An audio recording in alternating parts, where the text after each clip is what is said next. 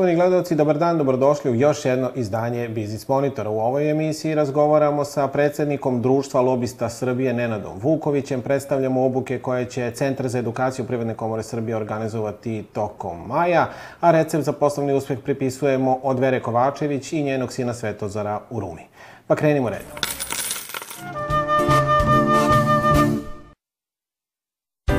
Naučni institut Biosens u Novom Sadu zvanično je dobio novu najsavremeniju zgradu, u kojoj će u oblasti biotehnologije i nanotehnologije raditi više od 250 najboljih naučnika iz celog sveta.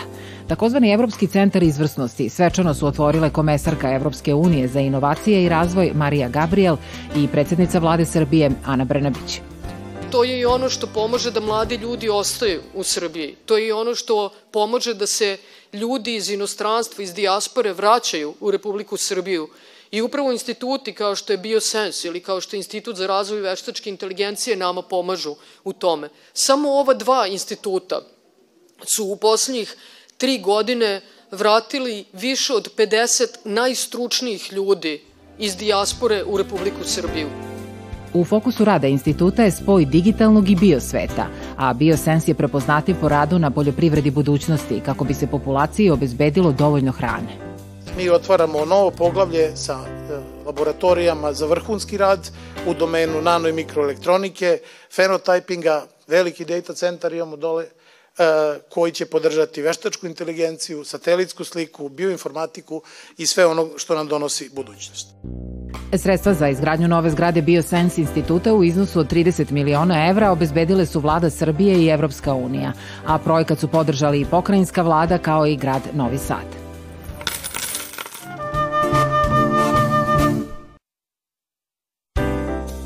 Proteklu radnu nedelju na produktnoj berzi u Novom Sadu obeležio je znatan rast količinskog i finansijskog prometa u odnosu na prethodnu sedmicu, ali uz različite cenovne trendove najvažnijih žitarica i uljarica.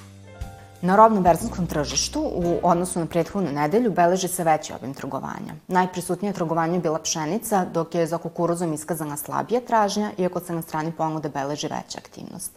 Trgovala su manjim količinama i sojinim zrnom roda 2021. godine, dok je ponuda sojinog zrna za rod 2022. godine izostala.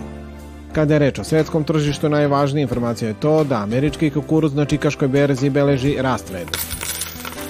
Na kraju protekle poslovne sedmice na Beogradskoj berzi ostvaren je promet od nepunih 20 miliona dinara, dok su berzanski indeksi zabeležili rast. Američka laka i severnomorska nafta u nedelji za nama zabeležile su pad vrednosti na svetskom tržištu. Svi najvažniji bazni i plemeniti metali kraj protekle berzanske nedelje u svetu dočekali su sa padom cena.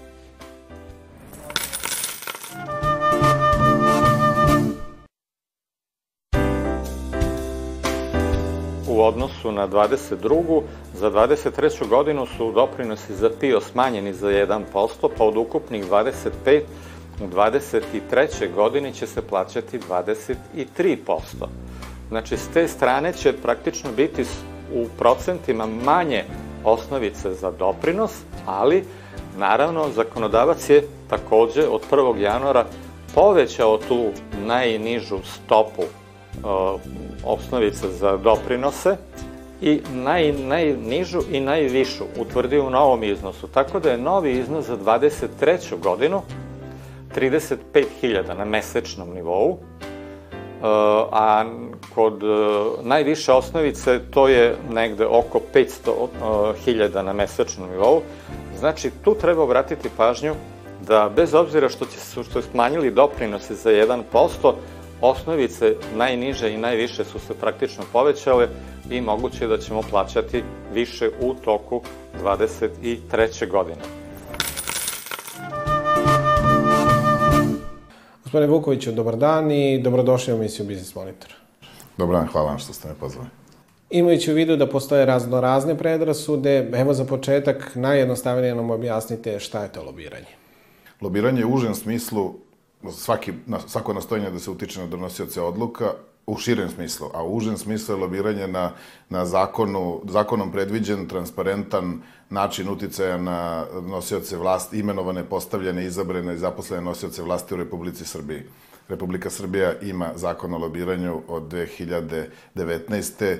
Znači, već nepune četiri godine, ovaj, tek je to, da kažem, u povojima, jer lobiranje, vreme se u lobiranju meri, da kažem, i decenijama, a ne ovaj, godinama. Lobiranje se susreće sa negativnom percepcijom ne samo u Srbiji, već svuda u svetu i tamo gde postoji, kao u Americi, već puna dva veka, ljudi su uvek imali određene nedoumice, određenu kao negativnu percepciju i smatrali su da je lobiranje privilegija samo moćnih i velikih, da, da se lobiranjem bave velike korporacije i da na određeni način zarobljavaju društvo, a mi koji lobiranje poznajemo i zalažemo se za lobiranje, znamo da je da istina upravo drugačija. Šta ste umeđu vremenu primetili, koliko je zakon dobar i da li ga treba menjati? Obzirom da sam učestvovao u izradi zakona o lobiranju, bio član radne grupe, a da se društvo lobista, čiji sam pre, predsednik punu deceniju zalagala za donošenje ovog zakona, ne bih smio da budem previše kritičan, ali svakako da ima stvari koje bi trebale da se poprave. Naprimer, mi smo od početka iznosili primetbu e, kada se radi o takozvanim neregistrovanim lobistima koji su zakonska kategorija ili in-house lobistima, a to u stvari zakon daje mogućnost e, licima koja nisu registrovana kao lobisti u registru koji vode agencije za borbu protiv korupcije, već lobiraju, da tako kažem, za sobstvenu stvar. Ili kako se na zapadu zovu in-house lobisti, odnosno lobisti koji lobiraju za firmu u kojoj su zaposleni ili udruženje u kojem su članovi. Oni nemaju obavezu da se registruju, ne podležu kažnjavanju. Znači, dva su tu problema. Jedan je što oni nisu vidljivi znači e, Agenciji za borbu protiv korupcije i eventualnoj proveri, a drugi je, drugi je problem što se e, gubi motivacija ljudi da se motivišu, da se kao lobisti registruju i da se ta industrija razvija. Kakva znanja i veštine mora da posuduje pojedinac da bi se bavio lobiranjem?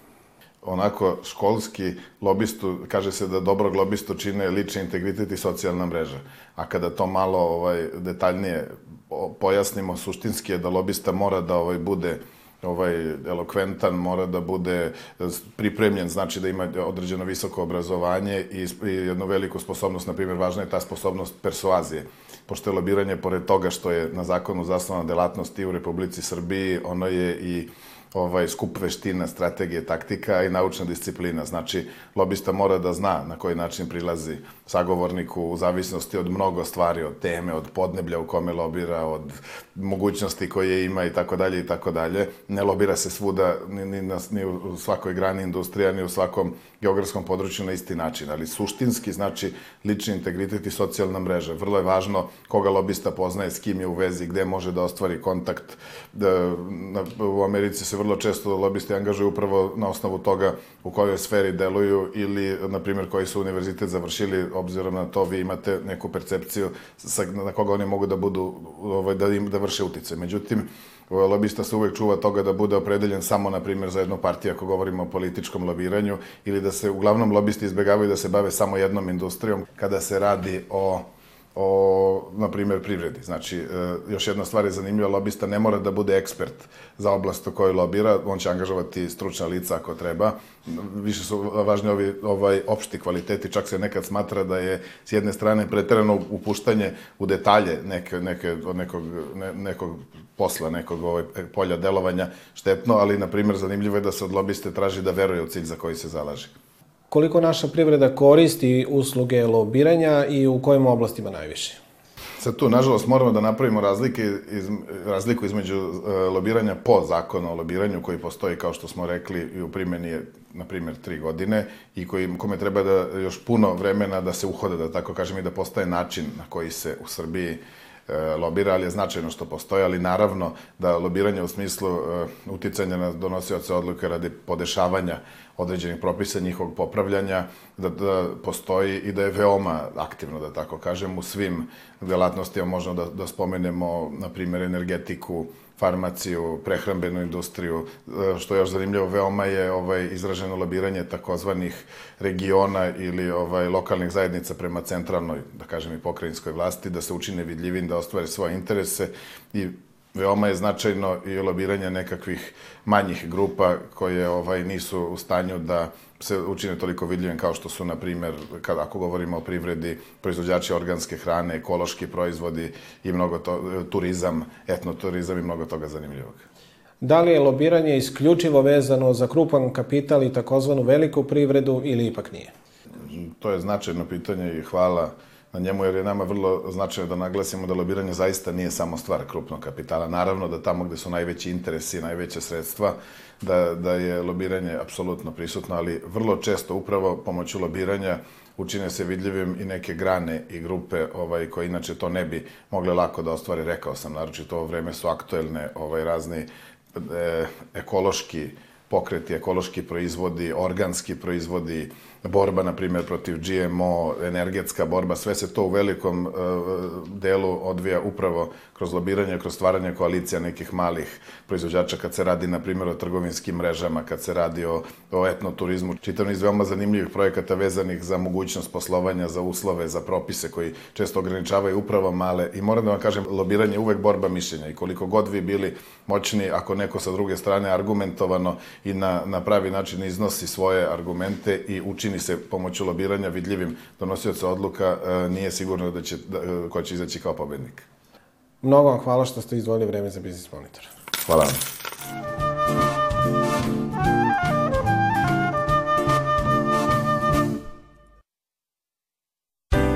Centar za edukaciju Privredne komore Srbije poziva sve zainteresovane pojedince da se prijeve na jednodnevnu radionicu na temu zaštita podataka o ličnosti, koja će u saradnji sa Kancelarijom poverenika za informacije od javnog značaja biti održana 9. maja. Iako je zakon u primjeni od 2018. godine, tema još uvek aktuelna, e, s obzirom na to da se zakon naslanja na međunarodne pravila, e, na ovoj radionici biće obrađeni e, i praktični primjeri iskustva iz međunarodne prakse, ali takođe pojmovi relevantni za naš zakonodavni okvir, kao što jesu pitanja rukovaoca, obrađivača, podataka, prenosa podataka, nekih posebnih slučajeva prenosa i zaštite podataka o ličnosti. Na sve obuke koje organizuju Centar za edukaciju i poslovna akademija, zainteresovani učesnici mogu se prijaviti i dan pred njihov početak. A svi detalji o načinu prijeve i učešća mogu se pronaći na internet stranici Privredne komore Srbije.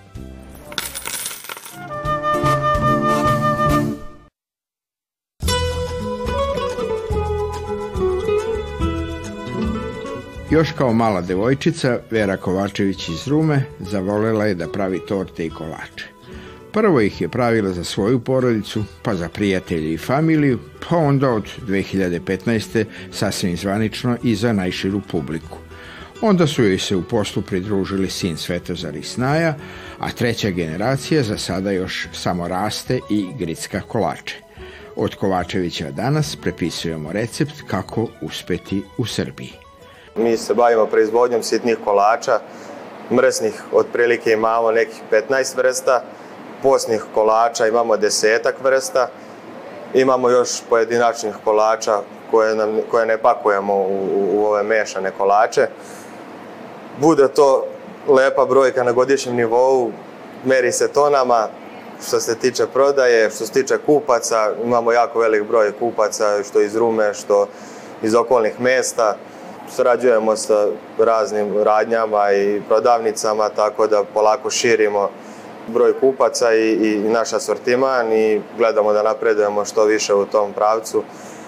Imamo i torte, uglavnom su starinski recepti, ima doboš, japanski vetar, ovaj, čokolešnik, to je kao, kao i švarcvald, to su neke naše torte po kojima smo mi poznati konkretno japanski vetar, to nam je najprodavanija torta i za nju garantujemo. Sve ovo nije od juče. A kada i kako je sve počelo i kako se to stiže od samog početka, pa do ovakve firme na dobrom glasu. Ja sam i kao mala volela uvek da radim sa slatkim. E, mama je isto, od mame sam i naučila. Tako da ovaj, uvek sam gledala negde gde ima neki lepi tort ili nešto, pa sam malo krala šare i ukrase, tako da krenula sam polako sama, malo za neke naše, kad idemo mi na neka slavlja, e onda su videli drugi, pa se svima svidelo i tako da krenula malo po malo i počela da radim. 5. decembra 2015 otvorili smo poslastičarnicu, tada smo dobili snaju i unuče i prvo i onda smo krenuli da radimo. I sa kolačima, e, ranije sam radila samo torte, a sad i kolače. pošto radimo baš domaće kolače, ono kao kući za naše potrebe, kad su svi probali, videli su šta je lepo, pa, pa imamo jako puno mušterija, tako da se širimo sad i na stranu, dolaze nam čak i iz Beograda, Novog Sada, tako da za sad je dobro. Kakav to čovek, gledajući iz vašeg iskustva, treba da bude pravi preduzetnik? Treba li da ima ideju, hrabrost, upornost, srećnu zvezdu, sve to zajedno ili nešto peto? Kako je bilo u vašem slučaju?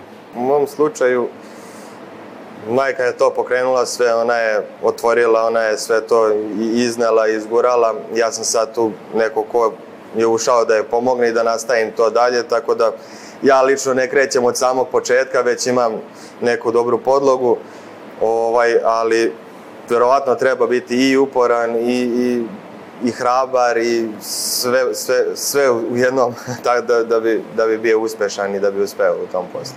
Koji se principa i načela držite u svom poslu, ama baš svakog dana? Iz toga ćemo izvući koji je vaš recept za poslovni uspeh. Mislim da je najbolji recept da, da se samo drži kvalitet, da se ne kvari kvalitet i, i tu nema greške. Ljudi prepoznaju kvalitet, prepoznaju ovaj, da je nešto prirodno, domaće, mislim da je to sasvim dovoljno. Ja se sjećam saveta ovaj, kad smo otvarali, čekam, sjećam se čak i, i mama dobila savet isti ovaj, da se drži samo tih starinskih kolača, ovaj, tradicionalnih, da to iznesemo ovaj, od početka do kraja, tako da eto, to je nešto čem, čime se mi vodimo, što radimo i još ćemo da ubacimo ovaj, kola, nekih vrsta kolača tih starih, tako da to je u suštini nešto što, što, što je ovaj, neki savet kojim, kojim smo se vodili. Šta je u vašem poslu najteže, a šta opet najlepše? U ovom poslu je teško, ovaj, naravno koji u svakom, naći kupca krajnjeg gde da plasirate robu, ovaj, a da to sve bude u roku, da nemamo povrata, da nemamo ovaj, što bi se reklo da, da, se, da se baca ili, ili kako već da kažem. Najlepše u ovom poslu je kad nam mušterija uđe, kad pazari, kad kupe nešto i vidimo osmeh na licu i kad se vrate posle par dana ponovo, vidimo da su zadovoljni sa našim proizvodima, su srećni. To je, to je za nas naj, naj, najlepša stvar. I naravno upoznavanje novih ljudi kroz posao i prijatelja, to je, to je stvarno neprocenjivo. Kakav je osjećaj biti druga generacija u jednoj uspešnoj porodičnoj firmi? U neku ruku je lako, u neku je i teško. Lako je jer ne krećem od početka, već imam postavljeno sve na svoje mesto, a u drugu ruku je teško, ovaj, jer je to odgovornost da se nešto ne upropasti što je već osnovano i što je, što je ovaj, u radu, u punom ovaj, radu, a, ovaj, ali opet gledamo da to napredimo i da to dignemo na, na neki još višlji nivo.